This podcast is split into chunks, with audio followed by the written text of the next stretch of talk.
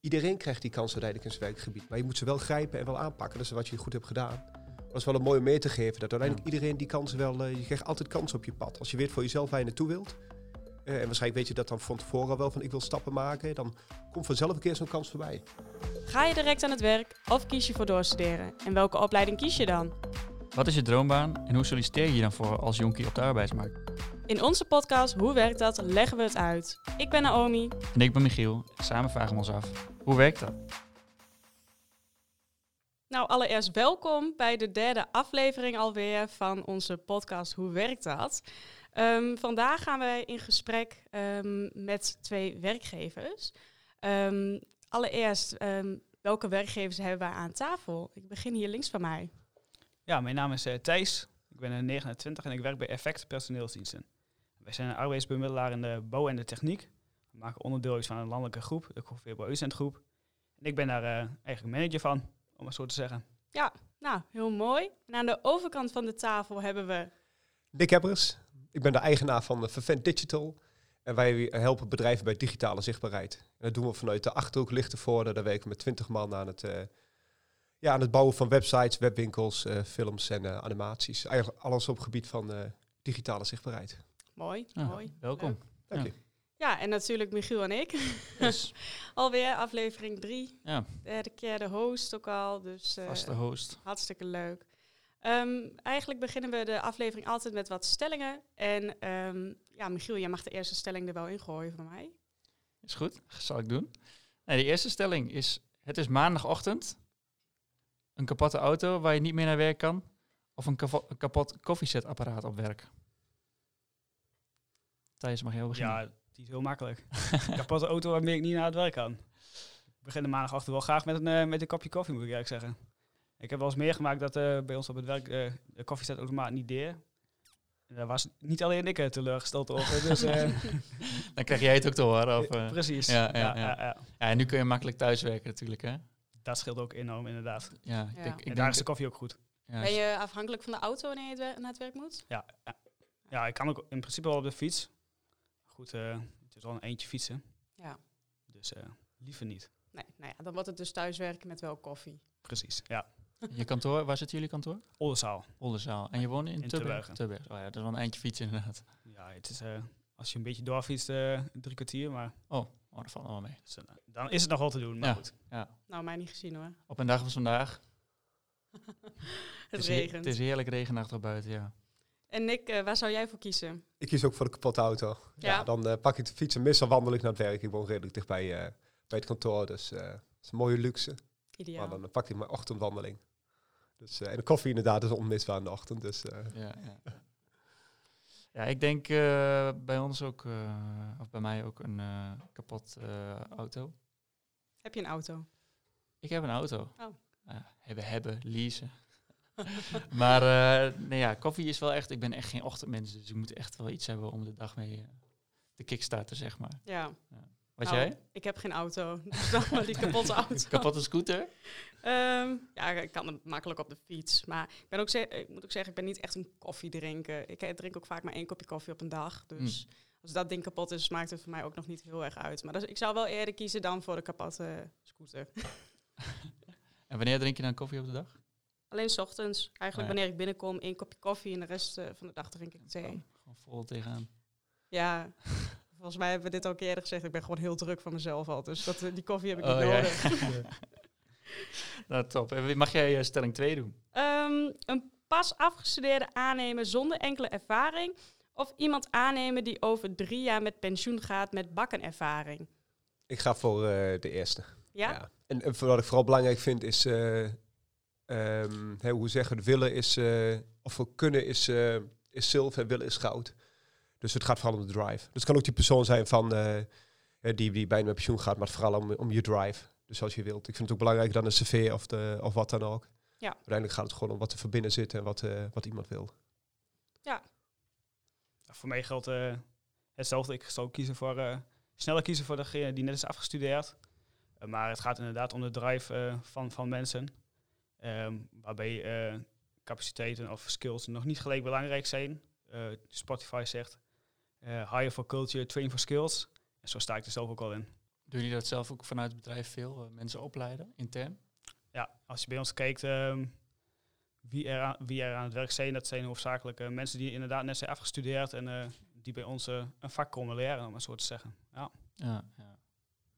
Want iemand, iemand aannemen die eh, ja, over drie jaar met pensioen gaat, met bakken ervaring, zou ook wel lekker zijn, denk ik. Maar ja, wel als je er misschien een concreet plan voor hebt of zo, want je weet... Ja, ik heb met mensen die al heel lang eigenlijk aan het werk zijn, die, dat hoor je ook wel vaak, die zijn al helemaal gekneed. En als je dan nog in Ja. een nieuw bedrijf komt, eh, ik denk dat het ten eerste voor die persoon heel lastig is, maar ten tweede voor het bedrijf ook wel heel moeilijk zou zijn. Hebben jullie ook ervaring met mensen met ervaring aannemen? Eh, ja, ik heb wel wat mensen gehad met, eh, en dan noem ik met ervaring, noem ik dan eh, eh, 20, eh, meer dan 20 jaar ervaring. Ja. Het, eh, wat ik merk is, en dat is wel een lastig ding, want het is natuurlijk eh, eh, überhaupt lastig in deze wereld. Wij zien bij ons dat het enige constante is dat het elke dag verandert. En ehm, dat maakt het wel lastig. Als je 20 jaar ervaring hebt, dan weet ik niet of ervaring heel erg positief is. Altijd. Het ligt ook afhankelijk van de branche. Maar in onze wereld, de digitale wereld, is het niet altijd een, eh, een pluspunt. Tenzij je eh, gewend bent dat elke dag anders wordt en dat je open staat voor continu verandering. En die zijn er zeker hoor. Ja. Maar ik denk dat dat een moeilijk ding is. En zelfs voor mij is het al lastig. Eh, want zelfs ik merk dat ik al achterop raak. En eh, eh, ik vind mezelf nog wel redelijk jong. Maar dat, eh, ja, het, gaat, gaat gewoon super snel. Dus eh, dat is zeker wel een ding. Ja, zeker in zo'n Ja. digitale wereld moet je wel snel kunnen meekomen, denk ik. Ja. En van iedere ontwikkeling wat willen proeven en eh, elke keer Ja. nieuwsgierig blijven. Ja. Als je er langer in zit, zou dat snel veranderen dan denk je thuis? Nou, ehm, wat, ik, eh, wa- wat wij zelf eh, merken, is bijvoorbeeld, wij, wij hebben natuurlijk heel veel klanten, we hebben veel klanten in de bouw, veel klanten in de techniek. Ehm, en daar kan, is ervaring van onschatbare waarde. Dus eh, als je daar, eh, we hebben vorig jaar een timmerman aan het werk gehad, om maar heel, van, een heel simpel voorbeeld te nemen. Die is vorig jaar met pensioen gegaan, maar die heeft de afgelopen jaren heel veel waarde gebracht bij de bedrijven waar wij eh, hem he- aan, aan het werk hebben gezet. Ja. Dus ook iemand eh, van 47 of eh 67 geweest, dan kan heel veel ervaring of heel veel waarde toevoegen aan een bedrijf. Alleen, hij, eh, hij was diegene waar je naartoe ging als je een vraag had ergens over. Vraag maar aan Henk, die weet allemaal wel. precies, sterker nog, als wij intern en eh, als er bij ons iets opgehangen moest worden of eh, Ja, iets verboden moest worden, dan belden wij hem. ja, Dus, eh, ja, precies. hij kwam nog ouderwets zijn urenbriefje elke week even inleveren in plaats van dat hij dat digitaal deed. Ja, ja, ja. Dus eh, het heeft ook al heel veel waarde dat. En in de bouw verandert dat niet zo snel eh, qua, eh, hoe zeg je, hoe je dingen bouwt? Ook daar verandert heel veel. Je ziet eh, de omslag naar eh prefab woningen, prefab elementen. dat is een omslag die wij ook zelf wel heel sterk maken. Dus dat Ja. we in plaats van een timmerman een montagemedewerker eh, ja, eigenlijk opleiden of plaatsen bij een bedrijf. Dus de echte traditionele timmerman, dat, dat wordt minder. Maar is op dit moment zeker nog wel. Nou, de laatste... Oh, hebt misschien nog even iets over de, de pensioenen. Vind ik ook wel een interessante discussie. En wat ik vaak hoor is dat, ehm, en ik, ik hoop dat zelf ook te kunnen gaan doen, dat je niet, ehm, ik denk dat het traditioneel is, en van vroeger, hè, als ik kijk naar mijn ouders of er zijn hun ouders, dat je ehm 40 jaar ergens werkt, of 30 jaar. Ik, ik ken nog wel mensen die dat, eh, die dat hebben. Eh, maar wat ik ook veel hoor en zie om me heen aan, aan een mogelijke verandering, is dat je een soort mini-pensioenen gaat houden. Dus dat je zegt van nou, ik werk tien jaar, dan eh, ga ik mezelf weer opleiden, ga ik een andere kant op. En dat je dus niet per se werkt naar één groot pensioen, maar dat je gewoon meerdere momenten pakt waarop je voor jezelf en je ontwikkeling onder de loep neemt. Dat je opnieuw gaat kijken van waar, het is een andere fase in mijn leven, waar heb ik nu behoefte aan. Ja. En dat je dus je leven eigenlijk opdeelt bijvoorbeeld in meerdere eh, werksegmenten in plaats van 40 jaar ergens werken. En dat doe ik dan de rest van mijn leven. Want het gevaar is wel dat je het einde, de laatste 20 jaar, dat je wel eh, eh, achteraan loopt en dat eh, het heel lastig is om bij te blijven. Ja, zeker weten. Dus het anders indelen daarvan, ik lees daar artikelen over en ik vind dat wel een hele interessante ontwikkeling. Nee, dat is ook wel eh, sowieso wat je zegt, wel een hele goede tip eigenlijk. Want wij hadden het daar vorige week dus eh, ook over. Van eh, ja, zou je liever ehm, eh, de rest van je leven voor een hele leuke werkgever werken? Of zou je om de twee jaar wisselen? Om, laat maar zeggen, verder te gaan met je persoonlijke ontwikkeling. Ja. Ja, eigenlijk hadden we alle vier toegezegd van eh, dan maar om de twee jaar wisselen. Dus dat is, eh, ik denk dat het sowieso wel iets meer van deze tijd is om niet 40 jaar meer in Nee. dienst te zijn van een bedrijf. Ik merk bij ons is vijf tot zeven jaar is wel een beetje de, de Ja. max. Ja, En het is ook goed. Want Ja. dan, dan eh, ik merk de mensen die bij ons komen, nemen nieuwe dingen mee van andere bedrijven. En die bij ons weggaan, nemen van ons weer dingen mee. Ja. Dus eh, ja, die verandering is, eh, is alleen maar goed, denk ik. ja. Alleen voor de hele ontwikkeling voor iedereen. Nou, dan komt eigenlijk de laatste eh, stelling. ehm, ik vind hem een beetje vreemd geformuleerd, maar direct na je studie doorstuderen. Dus eigenlijk altijd maar een opleiding blijven doen. Misschien ehm, part-time. Of, of deeltijd heet dat dan. Of eh, meteen na je studie aan het werk gaan. Ik ehm, kies voor eh, dat, dat je ook blijft doorstuderen. Toevallig eh, doe ik zelf nog een deeltijdstudie bedrijfskunde. Oh, leuk. Dus, eh, ja, het is wel super interessant en je blijft wel eh, in contact met heel veel verschillende mensen. En je leert van de nieuwste eh, technieken en theorieën. Dus ehm, ik zou kiezen voor, eh, naast dat je aan het werk bent, ook eh, blijven leren. Ja, ik kies dan wel voor eh, eh, en aan het werk gaan. En ik merk zelf dat ik in de praktijk gewoon veel dingen eh, kan leren. En je zou inderdaad af en toe een, een, een cursus of een coaching traject erbij kunnen doen. Ja. Maar ik merk dat, eh, als ik voor mezelf spreek in wat ik nu doe, eh, dat er zo vaak verandering is en nieuwe eh, dingen gebeuren, eh, waarvan ik dan af en toe een verdiepingsslag kan pakken. En ook in zelfontplooiing, hè, door middel van boeken of podcast. eh, dat ik voldoende kan leren in de praktijk om daarin te blijven ontwikkelen. Maar zeker blijven ontwikkelen. Ja, Dat is dus ja, ja, zeker, ja. eh, dat volg ik zeker. Ja. Nee, ik heb echt een, ja, ik zou niet zeggen een hekel, maar ik ben niet de beste student, laat ik zo zeggen. Dus ik, ik sluit me wel aan eh, bij wat Nick zegt. Eh, ik zou dan ook aan het werk gaan en dan door middel van het werk zeg maar, eh, verder on- ontwikkelen. En Ja. inderdaad, daarnaast allerlei, ik, ik bedoel, wat ik eigenlijk al dagelijks doe, is dat ik als ik kl- klaar ben met werken, dan ga ik op andere, weet ik veel, ook social media, zoek je dingen op waarbij je ook over ja, je werkdingen nog meer kan leren. Ik heb zo'n hele andere app, volgens mij heet het Primer of zo heet dat. Kun je ook wat, wat dingetjes, eh, eh, het zijn gewoon soort van die, van die eh, kaartjes waar je doorheen kunt swipen. Het is wel grappig, er zitten een paar van die tips in die je ook kunt meenemen in je werk. Dus eh, ja, nee, studeren is voor mij echt niet, Nee, nee, wat geen master nog. nee, denk ik niet. Jij wel? Nu nog niet. Nou, ik, ja, ik had me dus al wel aangemeld voor master, maar ik zie dat nu niet meer zitten. Nee. Nee. Nee. Je hebt, eh, voordat je traineeship eventueel zou doen. Ja, want ik had, ehm, ja, ik had me aangemeld voor de Master Communication Studies. Gewoon omdat ik nog niet wist wat ik wou doen. Ik dacht, oh, gaan we naar de UT. Oh, Prima. oh. maar toen ben ik dus gestart met Fast Forward. En ben ik heel blij mee dat ik niet naar de UT ben gegaan. Want het was een drama geworden. Denk ik. Right. Ja. Nou, dat waren eigenlijk de stellingen. Ik weet niet, Michiel, heb je nog een stelling om in te brengen? Anders gaan we gewoon naar de hoofdvraag. Eh, ja, ik heb daar nog wel even over nagedacht. Eh, wat ik wel, eh, wel grappig vond eh, om te doen is, ehm eh, we starten de, de wekelijkse vergadering altijd op met eh, een kleur.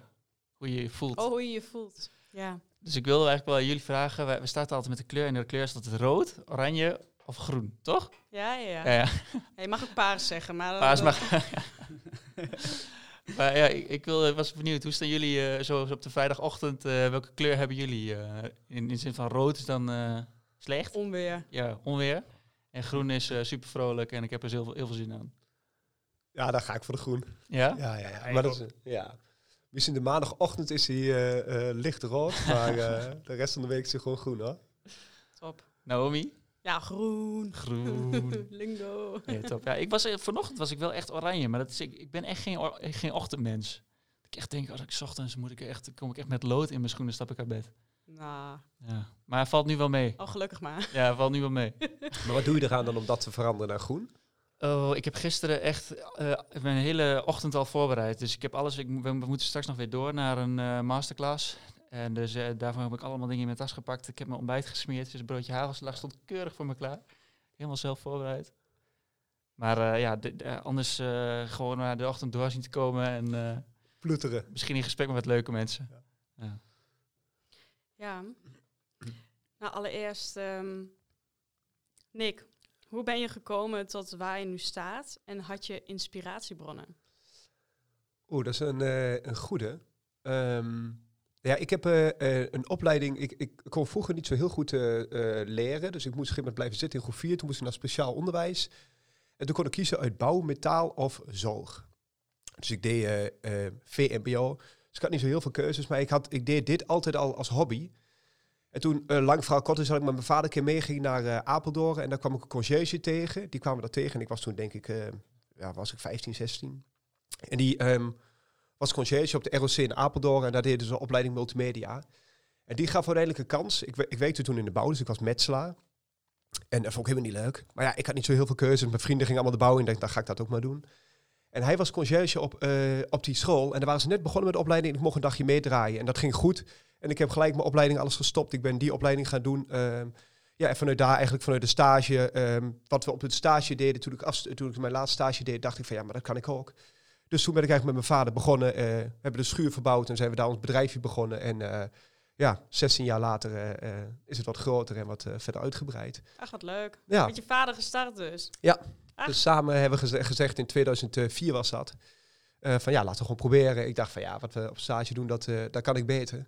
Dus laten we gewoon gas geven en het gewoon doen. Dus, eh, en ik woonde nog thuis, dus ja, en je hebt geen kosten. Je kunt eh mooi starten, je pakt gewoon alles aan. En, eh, dus het was vooral oogkleppen op en vol gas.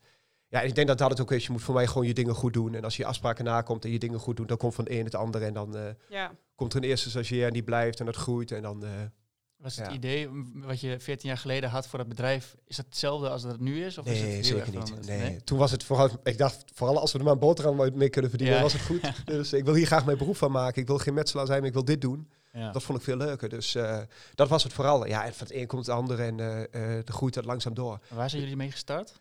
Eh, mijn vader, vader filmde vroeger bruiloften. En toen Oh we ja. samen begonnen, is hij begonnen met bedrijfsfilms en ik maakte websites. Dus ik ging websites ontwerpen. En in 1999, eh, dus het begin van het internet, toen bouwde ik al de eerste websites. En, eh, eh, dus ja, dan langzaam groeit dat gewoon. Ja. Eh, en ik denk dat het vooral een kwestie is van gewoon gas geven en, en je, je hart volgen. Dus waar je, waar je energie van krijgt, dat moet je gewoon blijven volgen. En dan komt de rest vanzelf. Dus ook helemaal niet de intentie om mensen aan te nemen of te groeien. Ja. Dat is gewoon iets wat dan gebeurt. Ja. Ja. En dat is goed als dat helpt bij, eh, bij het behalen van je doelen. ja, leuk. Hoe heb je je kennis up-to-date gehouden dan, eh, Nick? Ehm, nou, ik zal je vertellen dat eh, een, een omslagpunt was gegeven dat ik eh, met tien man zat. En toen liep ik redelijk vast. En ehm, ik zat ook wel richting een burn-out. Dus ik zat redelijk vol. Ik deed alles nog zelf. En toen gaf iemand mij de tip van, eh, het wordt niet eens tijd dat je los gaat laten. En dat is wel de beste tip die ik ooit heb gehad. Eh, dus wat ik vooral merk, is dat mijn kennis, eh, die hoef ik, uiteraard moet ik die up-to-date, ik hoef niet te, werken hoe, te weten hoe het in detail werkt, maar ik moet wel weten wat het kan. En het is vooral zorgen dat je goede mensen om je heen verzamelt. Dat is ook de beste tip die ik zou kunnen geven. En je moet alleen maar toppers om je heen regelen. Ja, En dan, gaat, dan groeit het. En dan, eh, en als je zorgt dat die mensen hun ding kunnen doen, mensen op nummer 1 zetten, dan eh, groeit die organisatie. En dat is, eh, dat is voor mij in ieder geval het belangrijkste. Dus dat is ook het belangrijkste wat, ik, eh, wat wij nodig hebben, zijn vooral eh, mensen die willen inderdaad. En dat van binnenuit komt, dat is het belangrijkste. En, en faciliteer je dan nu veel voor anderen, zeg maar, in het werk? Ja, ik probeer het wel zo goed mogelijk. eh, ik, mensen staan sowieso op nummer 1. Ja. Daar gaat het om. En Ja. eh, daar zal ik wel alles aan eh, eh, doen om dat zo te houden en het zo goed mogelijk te maken voor hen. Ja. Dus dat is ook wel de centrale vraag die bij iedereen staat. Werkgeluk. Van waar word jij vrolijk van en waar krijg je energie van? En, eh, en wat daarvoor nodig is, dat kunnen we doen hè, als het, binnen de, als het past binnen de eh, kaders van het bedrijf. Ja. ja. Thijs, hoe is dat voor jou? Hoe ben jij gekomen tot eh, waar je nu bent? Ehm, hoe ben je gekomen tot waar ik nu ben? Nou, eigenlijk best wel een, eh, een standaard route, om maar zo te zeggen. Eh, ik heb eerst de HAVO gedaan. Ehm, ik was ook geen, eh, geen wereldse student, ook al niet op de HAVO, moet ik eerlijk zeggen. Maar ehm, tijdens mijn opleiding commerciële economie ben ik gaan stage lopen bij, bij Effect. En ehm, toen kwam ik dus in aanraking met het werkveld. En dat was, dat was echt een complete omslag. Ik leerde in een half jaar voor mijn gevoel meer dan dat ik in drie jaar opleiding had geleerd. Dus dat was, ja, was top. Dus ik ben eigenlijk na die tijd bleven hangen na mijn stage. Verder gegaan als intercedent. Ehm, met heel veel pijn en moeite mijn opleiding nog afgerond. Want ik was fulltime aan het werk Ja. en deed eigenlijk nog een full, fulltime, uh, fulltime studie. Dus ehm, ja, dat was wel eh, af en toe pittig. Lange dagen. Lange dagen inderdaad. Of eh, ja, uitstellen van schoolopdrachten. Oh ja, eh, werk ging op een gegeven moment voor. heel Goed, herkenbaar. wel uh, uiteindelijk uh, studie weer af te ronden en uh, ja, de groei van effect meegemaakt. In 2017 zijn wij uh, dan overgenomen door de Covebo uitzendgroep. Dat betekent ook dat uh, mijn destijds directeuren een andere stap gingen maken. En toen kwam er ruimte vrij voor mij om ja, eigenlijk het, het label effect te, te, gaan leiden. En dat was al een kans die ik gelijk met beide handen heb aangegrepen destijds. Wat, wat sprak je in eerste instantie toen je bij effect kwam zo aan aan de organisatie? Het platte, uh, laagdrempelig, uh, werken met heel veel verschillende soorten mensen.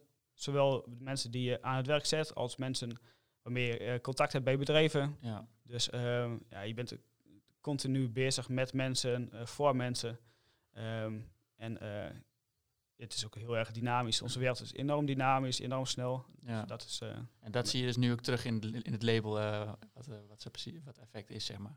Ja, je ziet nog steeds bij ons de mensen die er werken, die, die passen daar allemaal vrij goed in dat plaatje. Ja. En uiteindelijk, uh, de mensen die wij op dit moment aan het werk zetten, ja, natuurlijk komt er wel een kleine verandering in. Maar eh, het gaat nog steeds om dat, eh, of het is nog steeds een hele snelle en dynamische wereld. Ja, Ah, leuk. Ik zit ook te denken van, ehm, eigenlijk ben jij ook als jong professional dus aangenomen ooit. En eh, jij bent nu dus de manager voor Effect zelf.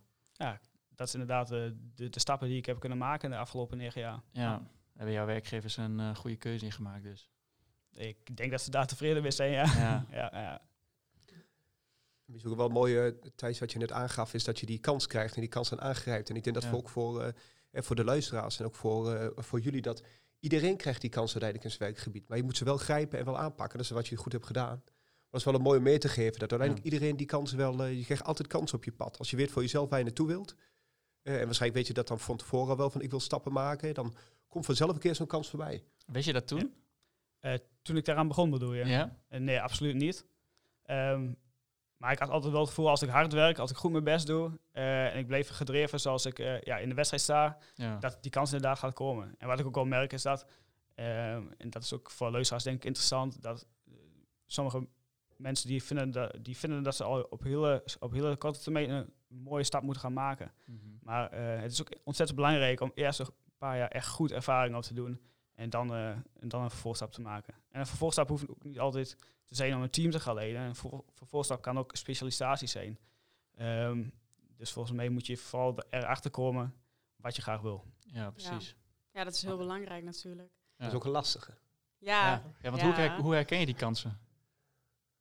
Ja, ik, ik denk zelf dat het belangrijk voor jezelf is om te weten waar je hart sneller van gaat kloppen. Dus waar jij Ja. blij van wordt en waar jij energie van krijgt. En als je dat voor jezelf weet ehm, te ondervinden, dan denk dat het ook makkelijk is om kansen te zien.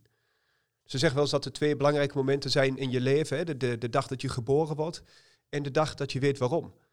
Dus dat je weet waarom ben ik hier überhaupt en eh, waar word ik warm van en waar eh, zou ik naartoe willen. Ik denk als je dat voor jezelf weet waar jij eh, goed in bent en waarom je er bent, dat, dat je dan ook sneller kunt zien waar je, ehm, waar je past en waar je naartoe wilt. Ja, ja. Maar dat is denk ik wel hele moeilijk om, ja, dat denk ik ook inderdaad, ja. om te achterhalen. Ja, want voordat jullie zeg maar eh, starten als ehm, en weet je, de arbeidsmarkt opgingen, zeg maar. ehm, eh, jij bent dan begonnen met een eigen bedrijf en daarvoor al eerder eh, gewerkt als, wat deed je ook alweer? In de bouw zat ik. was een metselaar. Ja, metselaar. Huizen bouwen in plaats van websites bouwen. Ja, precies. Heb je, heb je dan op een of andere manier ook voorbereid om zeg maar, de arbeidsmarkt te betreden? Heb je dan eerst, eerst gekeken van wat wil ik? Of jij zei van ik ben echt gewoon mijn vrienden achterna gegaan en eigenlijk misschien door ervaring eh Ja. achtergekomen van wat wil ik dan? Ja, uiteindelijk, eh, kijk, ik, ik werkte natuurlijk al in de bouw. ehm, maar vanaf mijn twaalfde ehm, was ik al bezig met computers, met websites. Dus van jongs af aan weet je eigenlijk al dat je die creatieve hoek uit wilt. Ja. Maar toen kon ik, doordat ik die opleiding niet had, hè, of het niveau niet had op dat moment, kon ik die stap niet maken. Want dan moest je een mbo hebben en daar had ik de papieren niet voor.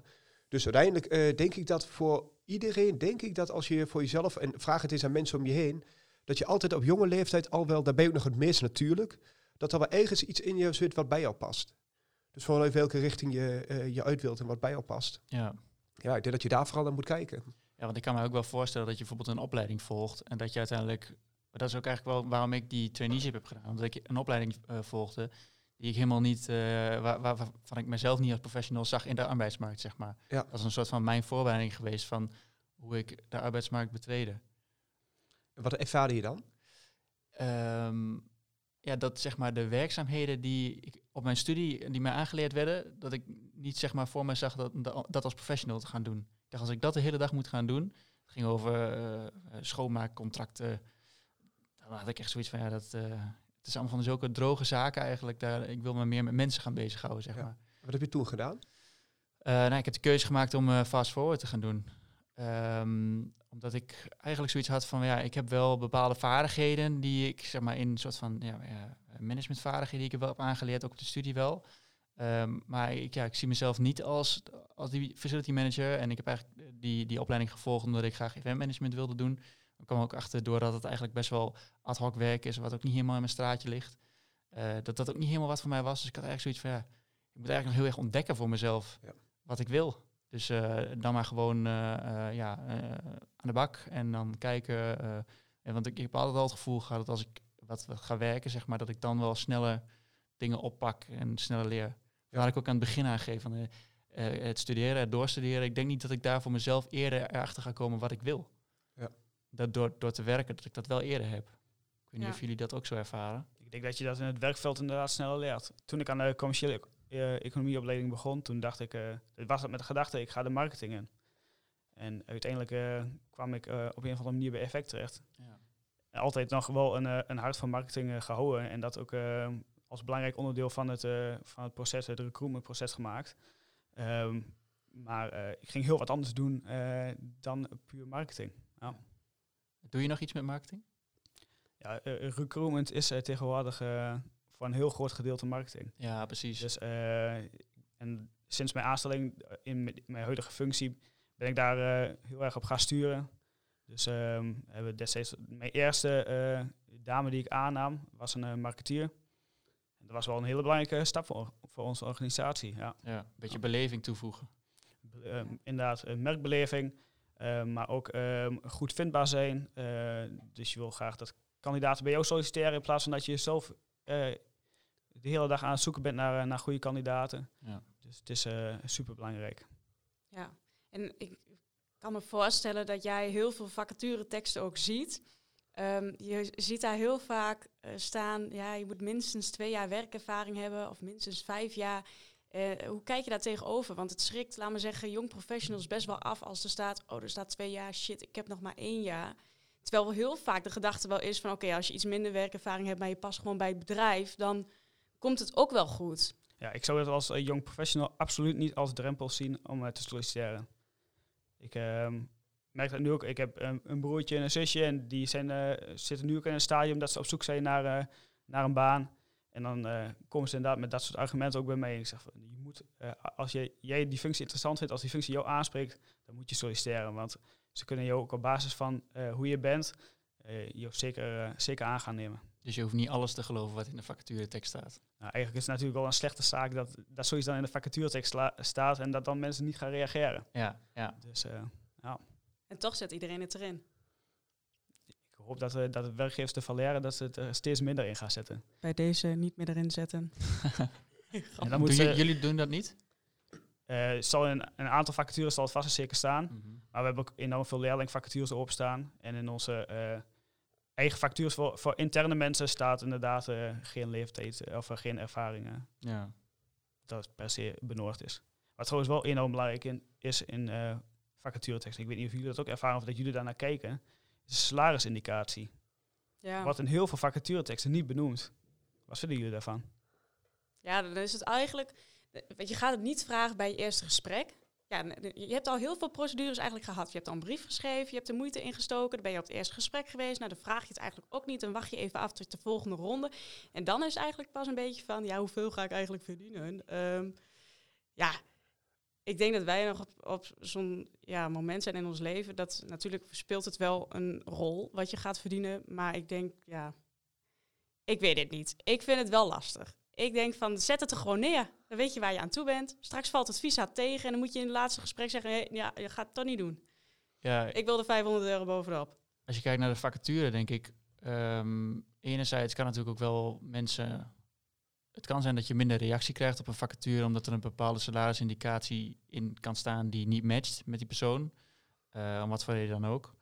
Ehm, dus ik, ik denk qua reageren dat ik voor mezelf zou ik daar niet zo snel naar kijken. Omdat als ik eh, op een plek kom waarvan ik denk dit is geweldig, eh, dan is het salaris ook minder belangrijk. Ja, misschien maak je toch ook wel een andere overweging als het salaris er tegenover staat. Dat je dan denkt van oké, eh, ja, er staat ook wel een mooi salaris tegenover. Zeg maar. Alleen ik vind wel, ja, het allerbelangrijkste is dat je gewoon een bepaalde motivatie hebt om het werk te doen. Dat het werk hartstikke leuk is. Ja. En het salaris is dan wel echt ja, secundair iets.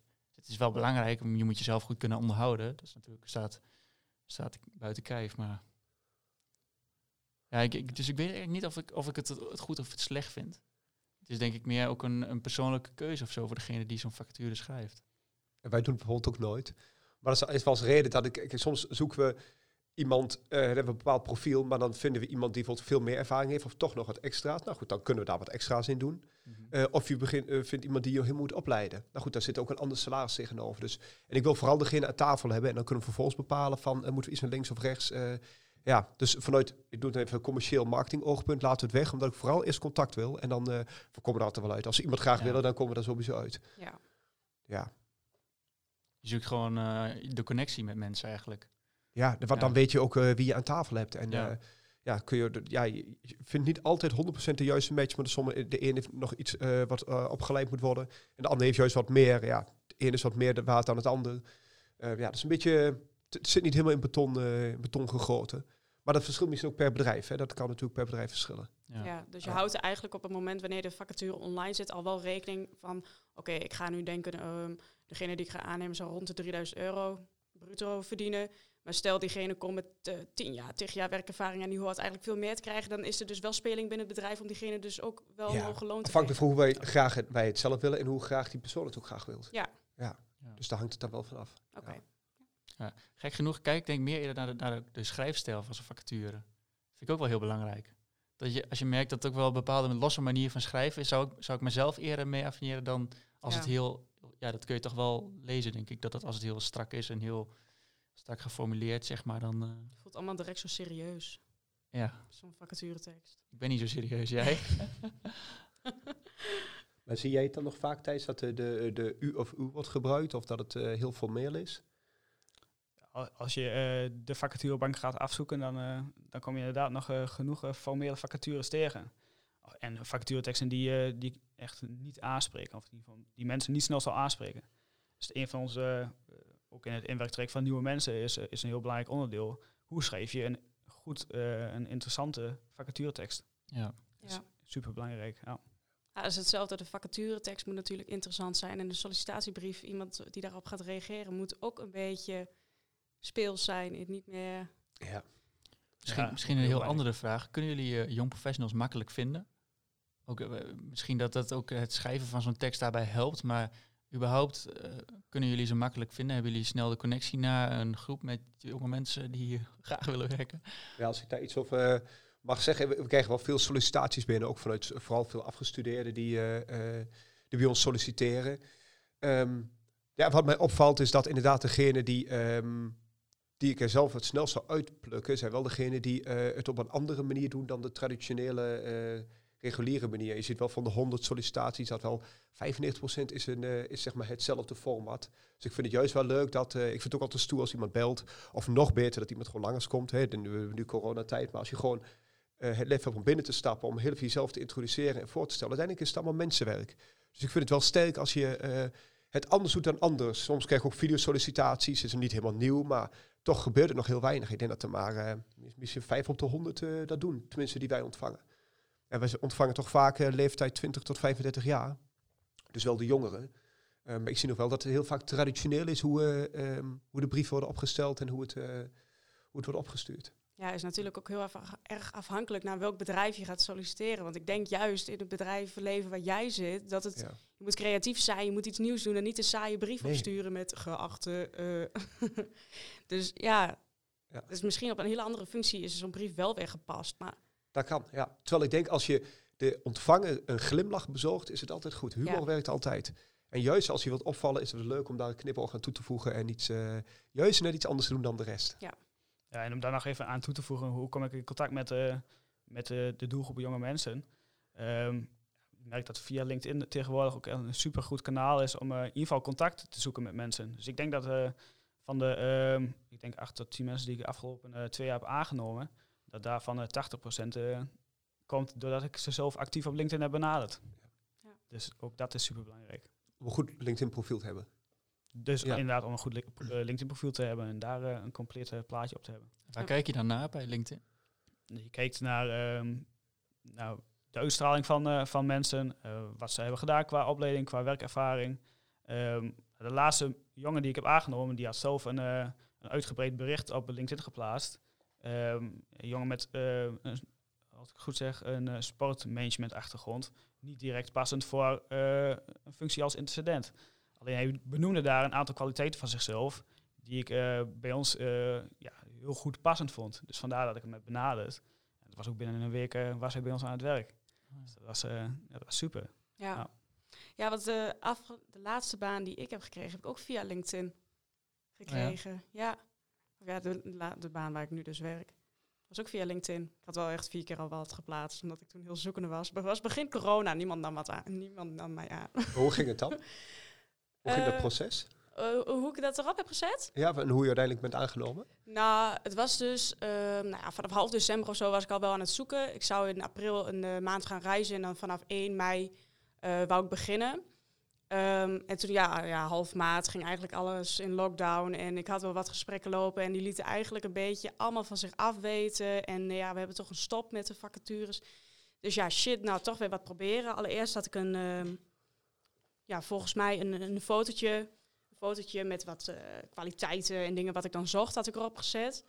Ehm, vervolgens heb ik gewoon een, nog een nog een iets uitgebreidere oproep erop gezet. En als laatste had ik een video van mezelf gemaakt. Echt verschrikkelijk. Was wel goed bekeken, maar kwam ook uiteindelijk niks uit. En toen voor de vierde keer had ik weer iets erop gezet. En Volgens mij ook gewoon meer een tekst. En ja, ik had al die andere dingen er natuurlijk al staan. En toen op een gegeven moment had ik op zo eh, acht mensen of zo die dan een berichtje hadden gestuurd of wel interesse hadden. En toen uiteindelijk met twee bedrijven in gesprek geweest. En eh, op een gegeven moment kwam het. Ja. Geen idee, maar Dus de aanhouder wint. ja, aanhouden wint. Mooi. Wel grappig eigenlijk dat via LinkedIn, eh, want je krijgt eigenlijk de berichten ook een soort van volgorde, ook door het algoritme, denk ik toch? Dat we dus eigenlijk een soort van algoritme laten bepalen met wie we de connectie zoeken, zeg maar. eh. Je bedoelt hoe, hoe, hoe, een, hoe een bericht opvalt. ja, Want wij, wij doen natuurlijk veel met eh, eh, marketing, online marketing, digitale marketing. Wij zien bijvoorbeeld dat een persoonlijk bericht vanaf je persoonlijke profiel met een foto bijvoorbeeld, een persoonlijke foto, vaak veel beter scoort dan alleen de tekst. Het is wel grappig dat je op die tekst uiteindelijk dus, eh, het kan ook afhankelijk zijn van de tijd, hè, de, ook de economische tijd. Maar dat een bericht met een persoonlijke foto of een video vaak beter eh, bekeken wordt, meer reacties geeft dan, dan alleen maar een bericht. Dus qua algoritme krijg je daar in ieder geval meer respons op, is onze ervaring. Ja. Het was voor mij meer gewoon zeg maar opvallend dat we dus eh, ja, een soort van je, je hebt dan een algoritme waarmee je te maken hebt. En, via die manier zoeken we de connectie met elkaar, zeg maar. Eh, dat vind ik dan wel grappig. Het zou ook op een andere manier kunnen, eigenlijk toch? Zien jullie het wel eens op een andere manier gebeuren? Ja, wat ik ook nog wel eens zie is gewoon via via. Dus via collega's. Dus dat we, Oh ja. ik vraag ook altijd collega's als we iemand nu, we zoeken nu een eh, developer. En we hebben vijf developers. En ik vraag gewoon hun in hun netwerk naar vrienden. Ja. En dan zegt ik, ja, één in mijn vriendengroep die eh, eh, zit nu daar, maar zoekt wel wat meer uitdaging. Dus eh, ja, en dan is het gewoon een warme lead. Dus ze kennen elkaar. Ja, dat is wel eenvoudiger. Dus je eigen netwerk Ja. inzetten is wel een, is sowieso een interessant iets. Ja. Ja. ja, ik zie het ook echt niet meer voor me om nog op die te gaan scrollen naar nieuwe, nieuw werk hoor. Ik vind het verschrikkelijk. Indeed. Of Ja, elke andere vacaturebank hoor. Ja. Ik merk ook dat de reacties daarop eh, voor onszelf dan, dat dat minder werkt dan eh 80% komt via via of zijn al eh, connecties of heb je al een keer gesproken. Ja, Dus ik dat, merk dat voor, bij- ons intern merk ik dat inderdaad ook. Alleen ik merk dat Indeed en dat soort jobboards voor, eh, voor onze externe vacatures, vacatures die we plaatsen voor bedrijven, dat die nog steeds wel enorm, enorm belangrijk is. Ja. Ja. Ja. En ehm, als je kijkt zeg maar, naar het aannemen van eh, young professionals. Ik weet niet of er mensen zijn die luisteren die ehm, eh, nou, misschien twijfelen aan hun eigen kunnen. Ehm, zijn er valkuilen die jullie herkennen bij young professionals? Eh, als je iemand zeg maar, voorbij het, stadium van mensen aannemen, kijkt naar hoe zij in het werk staan. Ehm val- valkuilen van, van mensen zijn, nou, wat ik eerder al een keer benoemde, misschien dat ze te snel willen. Ik denk dat het eerst eh, belangrijk is dat, ze, dat iemand een enorm goede basis, eh, basis krijgt, voordat je weer vervolgstappen gaat maken. Ehm, en ik zie ook eh, bij bepaalde mensen dat ze te veel tegelijk eh, willen gaan doen. Hebben wel eens medewerkers die, ja, die vinden het leuk om heel veel verschillende zaken op hun bootje te hebben. Maar daar gaat, uiteindelijk gaat daar je werk ook, het, het werk waar het om gaat, gaat daaronder leden. En dat is, dat is wel een belangrijke valkuil. Wat je vaak, of waar, waar eh, jonge mensen misschien wat meer moeite mee hebben, ook als ik naar mezelf kijk, is een stukje populair begrip time management. Ja. Eh, dus doen wat belangrijk is, eh, of daar cursussen in maken. Dus ik zie dat, dat dat voor jongeren vaak wel moeilijk is om daar een, een goede cursus en afwegingen te maken. Dus dat is wel belang- belangrijk als werkgever zijn dat je jongens en meisjes daar heel goed mee helpt ja. om cursus te maken. Ja, want dat zijn best wel basisdingen, denk ik toch? Maar ja, je hebt ook wel dingen die je moet leren natuurlijk door het te doen. Eh, maar in principe, denk ik, time management kan iedereen wel leren. Door simpelweg een bijvoorbeeld to-do-list op te stellen. Zou je of- wel zeggen. Ja, is dat niet zo? Weet ik, nou, ik weet niet Ja. of dat... eh, ik denk dat je heel veel soft skills wel kunt leren. Ja. Dus dat geloof ik ook. En nog een ding wat ik wil aanvullen, wat ik eh, ook merk. dat is misschien niet de gebruikelijke, maar ik zie ook... ehm, we krijgen best vaak talenten, dus hè, de stagiaires of afstudeerders. Ehm, die heel veel in de mars hebben, maar waar juist een stukje onzekerheid speelt. Dus dat ze juist zichzelf onderschatten. Dus onderschatting vind ik ook iets dat... eh, eh, je mag dan wel, misschien is het iets Achterhoeks of iets Twents... eh, maar je mag wel iets meer bluff hebben en eh, voor jezelf opkomen. Ik zie echt jongens die superveel kunnen en heel veel talent hebben, maar dan toch eh, over heel veel dingen onzeker zijn of twijfelen. Bescheiden. Ja, misschien valse bescheidenheid. Dus er mag wel iets meer eh, bluff in komen, vind ik. En wat is dan het voordeel van iemand eh, aannemen die net afgestudeerd is? Wat zie je aan zo'n persoon? Nou, ik zie vooral de leergierigheid. Ze brengen nieuwe dingen met zich mee. Dus ook, wij zitten misschien ook al wel in bepaalde patronen of eh, processen die vastgeroest zijn. Hè, zonder dat we daar zelf bewust van zijn. Dus je hebt toch iemand met een externe blik. Dat zie ik vooral. Eh, en er zit altijd wel een soort van eh, vurigheid in en gedrevenheid die... ehm, ja, dat wat mooi is om... Het geeft ook weer een andere energie in het bedrijf. Ja. Dus ze stellen ook, dat is wel leuk, ze stellen vaak ook weer soms, eh ik noem het even domme vragen. Vragen waarvan wij misschien, die wij onszelf niet meer zouden stellen, maar waardoor je wel weer tot nieuwe inzichten komt. Dus eh, zeker waardevol om te hebben. Zouden ze dat zelf doorhebben? Dat weet ik niet. Op het moment dat je zo'n vraag stelt. Ik denk van, dat, dat dat voor, voor, voor, voor degene die de vraag stelt een hele normale vraag is. ja. Maar ik herken het inderdaad compleet. Ja, de gedrevenheid van, van eh, jonge mensen. En eh, ja, iemand begint aan zijn of haar eerste baan. En daarbij eh komt natuurlijk inderdaad vaak veel gedrevenheid en, eh, ja, en fanatisme kijken. En dat is wel heel prettig. En Ja. ook, eh, mensen kunnen gaan, gaan kijken naar eh, ja, wat kan er beter binnen een organisatie. Ik denk dat ze daar nog niet zo heel bewust mee bezig zijn. Maar door inderdaad dat soort vragen te stellen, kun je hele simpele eh, processen toch weer verbeteren. Ja, dat is wel grappig, want ik denk ook dat zij heel snel misschien uit ervaring zou ik kunnen zeggen dat je als je een domme vraag stelt, je krijgt daar een reactie op, dat jij niet het gevoel hebt bij de werkgever van die, die leert daar zelf ook iets van.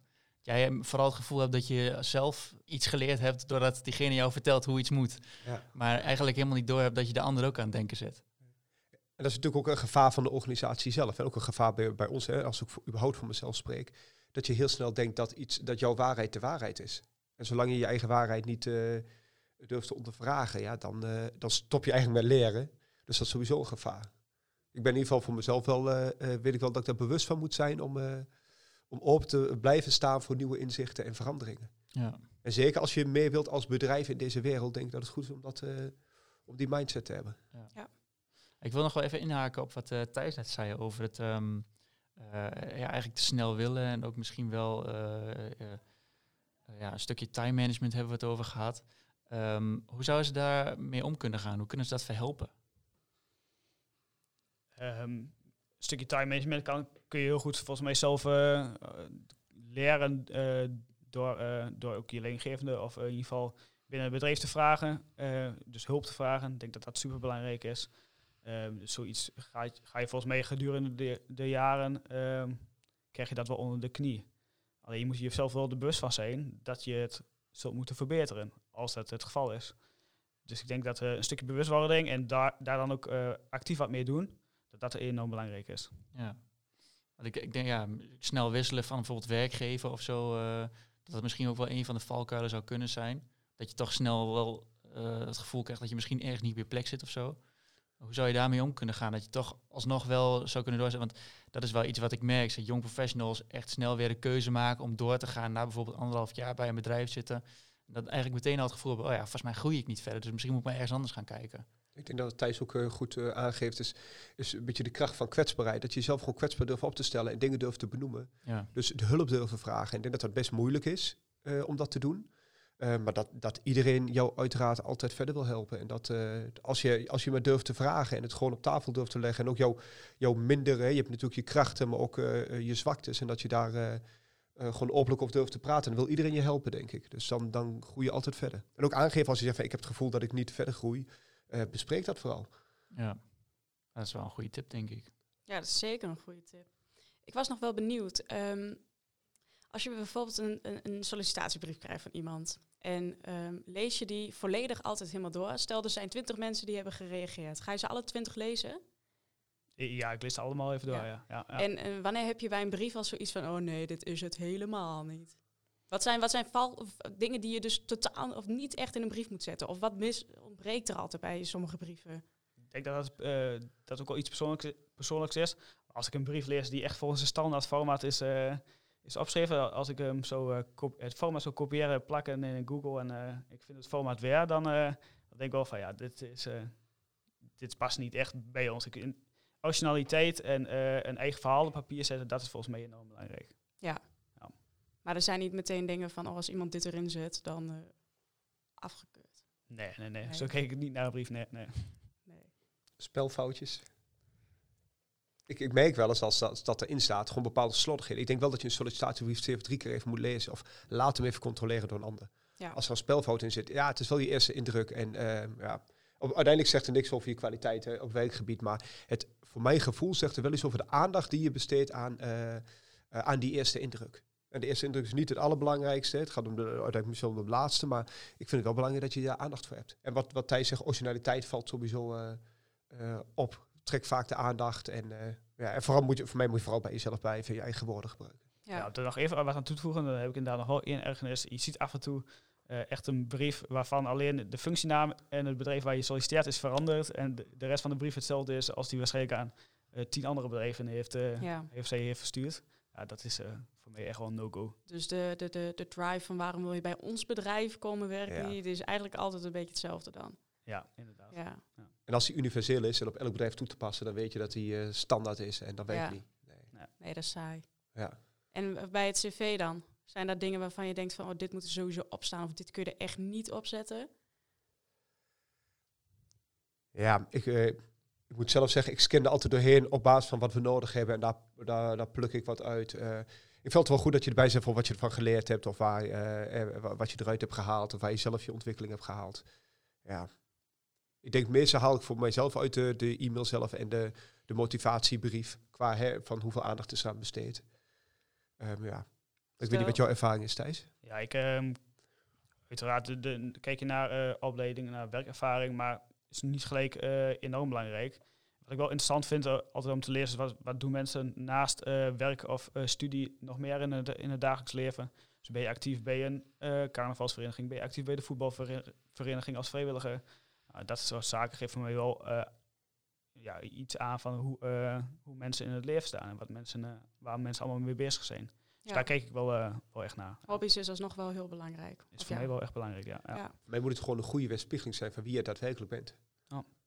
Als je dat goed weet weer te geven. Dus, ja. En heb je wel eens een brief ontvangen waarvan je dacht, nee, maar dan toch iemand uitnodigen. En dan dat je uiteindelijk er toch wel achter komt van, volgens mij, het, het matcht niet helemaal. Maar eh, is het wel goed dat je de keuze hebt gemaakt om diegene toch uit te nodigen?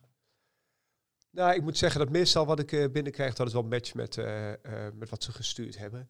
Het is alleen, kijk, je merkt wel dat, dat de verschillen kunnen vooral zitten in hoe je overkomt. Hè. Op papier kun je iets schetsen en als iemand daadwerkelijk binnenkomt, heb je vaak in 1, 2 minuten wel een gevoel bij eh, die persoon, hoe die is qua energie en hoe die overkomt, hoe die communiceert, of die eh, een open of gesloten persoon is. En dat haal ik dan minder natuurlijk uit een brief. Ja. En dat is een eerste indruk. Ja, vaak, ik, als ik voor mezelf praat, heb ik na een minuutje, na 60 seconden weet ik wel of het er wel of niet is.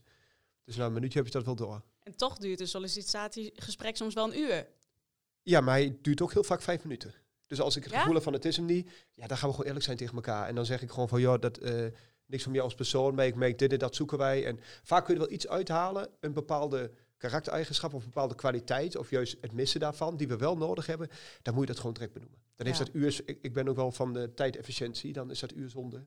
Dus dan houdt bij vijf minuten en dan is dat ook goed. Hè? Diegene kan er ook van leren. En eh, het is wel goed om positieve feedback te geven en diegene ook naar huis te sturen met daadwerkelijk een, ehm, een positieve verbeterpunt voor, eh, voor zichzelf. Of ik moet de factuurtekst anders maken. Ja. Maar eh, ik, ik denk wel dat je er gewoon meteen eerlijk in moet zijn. ja. Als je het inderdaad niet past bij het bedrijf, kun je wel een uur gaan lullen. Maar Nee, dat is ook zonde van mijn tijd. En ik ben best wel kritisch op mijn Ja. tijd. Dus eh, Ja, want ik vroeg me nog wel af, ehm, hoe kijk je er tegenaan als mensen een iets mindere kwaliteit op hun cv zetten? Dus iets waar ze nog in zouden kunnen verbeteren. ja, dat is weer die kwetsbaarheid. Ik vind dat wel een kracht.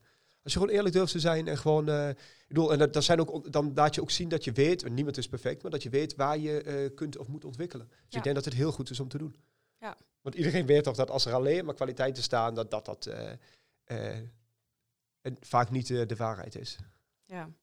Ik heb dat namelijk op mijn cv staan. En dan elke keer wanneer ik ging solliciteren, gaan mensen dan daar vragen over stellen. Daar heb ik mijn woordje gelukkig wel klaar, maar dan denk ik wel, shit, waarom heb ik het eigenlijk opgezet? Wat, wat heb je erop staan?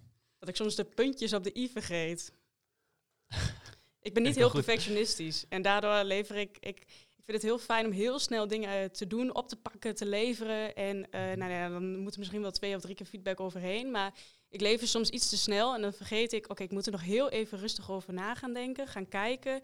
Eh, is dit nou eigenlijk echt wat ik wil opleveren? En zo elke keer weer terug te gaan reflecteren naar dingen die ik maak of dingen die ik dan voor het werk aan het doen ben. En eh, ja, Maar ik probeer er wel mee bezig te zijn, maar ik merk dat wanneer ik gewoon druk ben, dat het toch wel weer, hoppa, toch wel weer die kant op. En dan zien we wel hoe het gaat. Maar wat ik dan wel goed vind, is stel dat je zou solliciteren voor een bepaalde functie, dan zouden wij zelf in zo'n situatie kijken van, oké, je hebt mensen om je heen, dan ben jij meer van de grote lijnen. Ja. Misschien zit iemand naast jou die van de details is. Dan ben je samen een team. Ja. Maar stel dat je standalone zou zijn en dat, eh, die puntje op die zou je wel moeten hebben, dan is dat heel goed dat je het aangeeft. Want dan weten we dat we geen match zijn. En stel dat je het zou verbergen en we gaan met elkaar samenwerken, dan kom je er na een half jaar achter dat het niet werkt. Ja. Nou, dan, dan is het alleen maar goed dat je het benoemd hebt.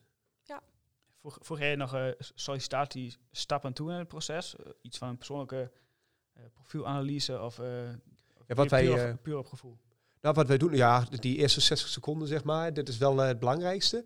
Wat we altijd doen is een mailopdag. Dus ehm, dan proef je ook even de cultuur en de DNA van het bedrijf. Maar wij leren jou ook kennen. Bijvoorbeeld de lunchpauze vind ik heel belangrijk. Voor hoe gaat het met de rest van de collega's? En ik, ik oordeel ook niet zelf uiteindelijk of iemand het wordt. Dat laat ik door de collega's doen. Want zij moeten er eigenlijk mee samenwerken. Eh, dus dat voegen we toe, een mailopdag. Ehm, ja, dat is dan wel het, eh, ehm, denk ik, een van de belangrijkste dingen. Dat je elkaar echt leert kennen. En we doen altijd een proefopdracht. Dus dat je in je vakgebied een proefopdracht doet ehm, om te kijken van wat is dan de output daarvan, hoe pakt iemand het op, vraagt hij om feedback. Ja, dat zijn meestal de dingen die wij dan zelf eh, doen. En ik, krijg wel, ik heb wel eens gesprekken gehad dat je iemand eh, op papier perfect was en ook na twee gesprekken perfect was. En bij een mailopdracht dat het 180 graden anders was.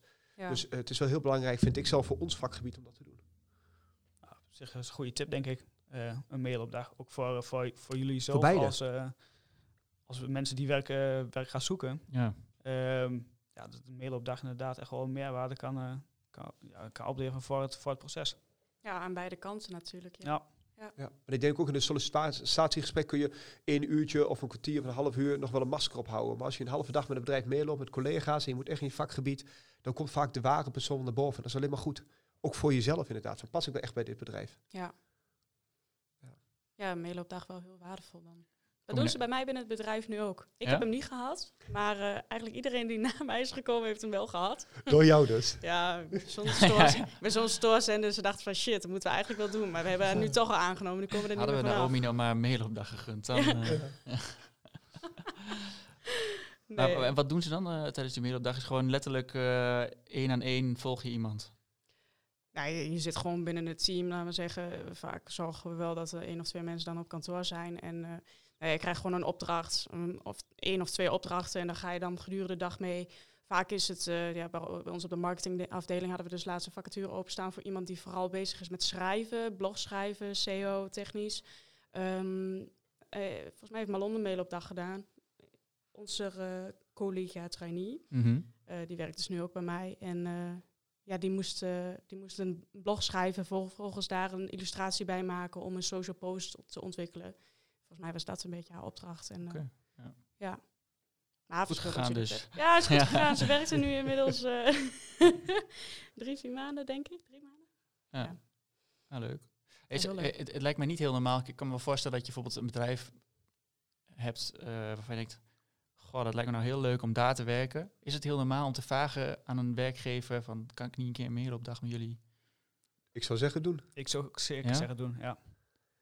En nogmaals, het, het moet, uiteindelijk moet de liefde van twee kanten komen. Het moet een match zijn. En als, eh, als dat van één kant is, is het niet goed. Dus het is voor jezelf gewoon heel belangrijk om te weten van wat voor cultuur is eerst hier en pas ik hierbij. En wie Ja. zijn mijn directe collega's? Heb ik daar een klik mee? Eh, en dan bij, na een paar uurtjes ben je daar wel achter. Ja, dat denk ik ook. Het kost je een middagje, joh, wat is dat? Ja, leren dat te doen dus. Ja. Ja. Wat zou je als eh, levenstip mee willen geven aan net afgestudeerden? Wil ik even over nadenken, dus geef maar aan Thijs. Dat is mooi. Als levenstip meegeven aan, eh aan levenstip is natuurlijk een heel groot woord. ja, maar werktip dan. Voor na het afstuderen. Je moet eh, volgens mij gaan ontdekken wat, je, eh, wat goed bij je past. Dat, dat kan niet altijd in één keer goed gaan.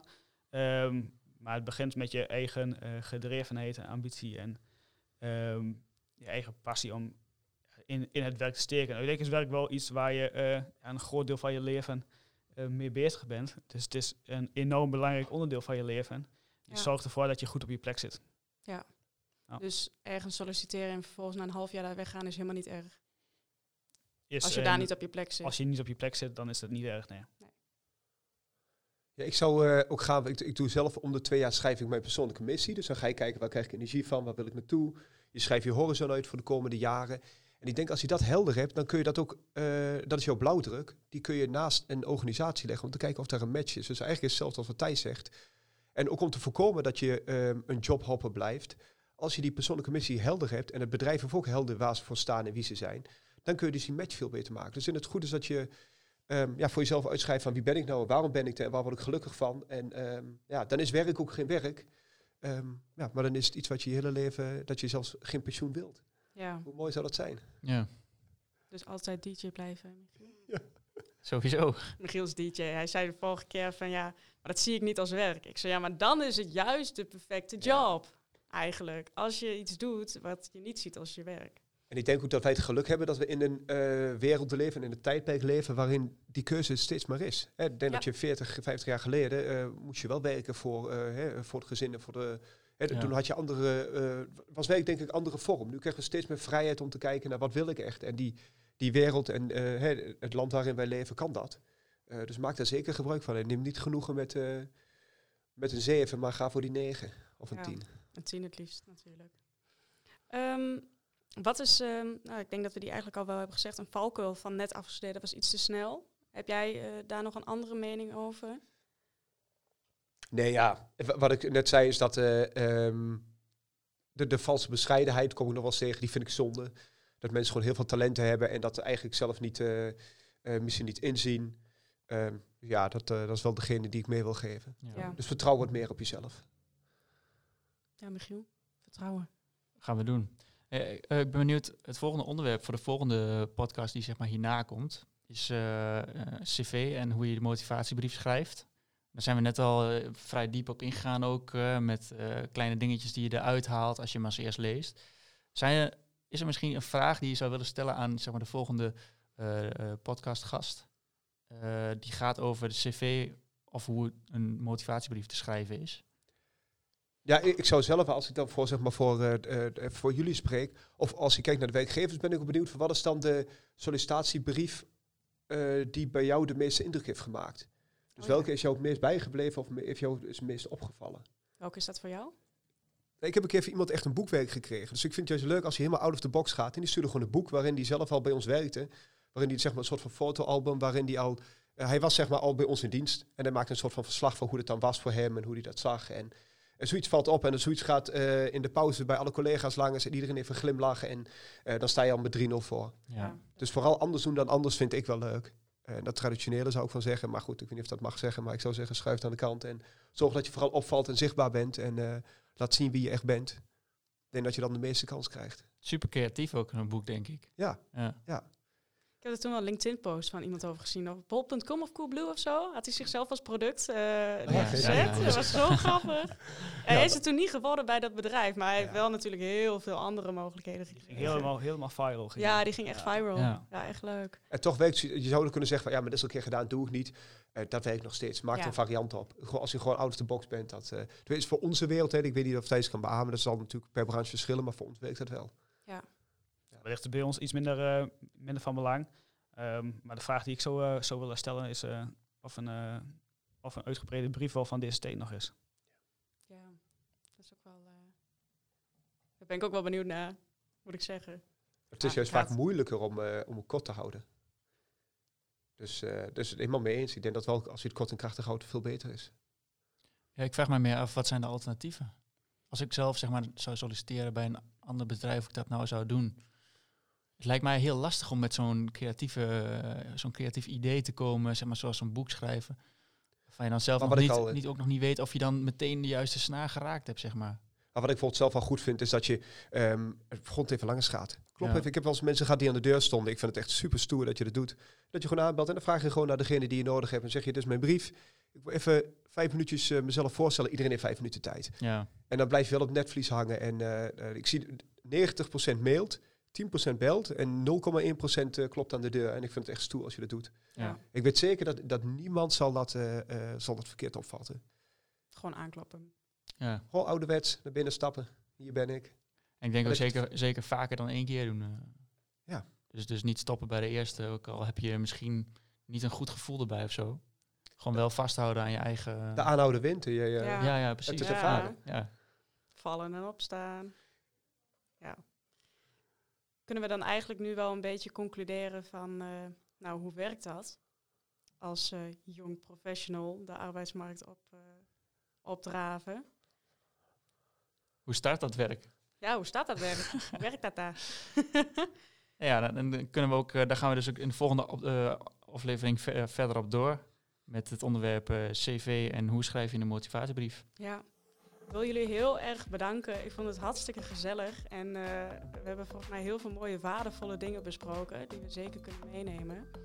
En eh, dan ronden we hem af. Yes, dank jullie wel. Jullie Graag bedankt. gedaan. Dankjewel.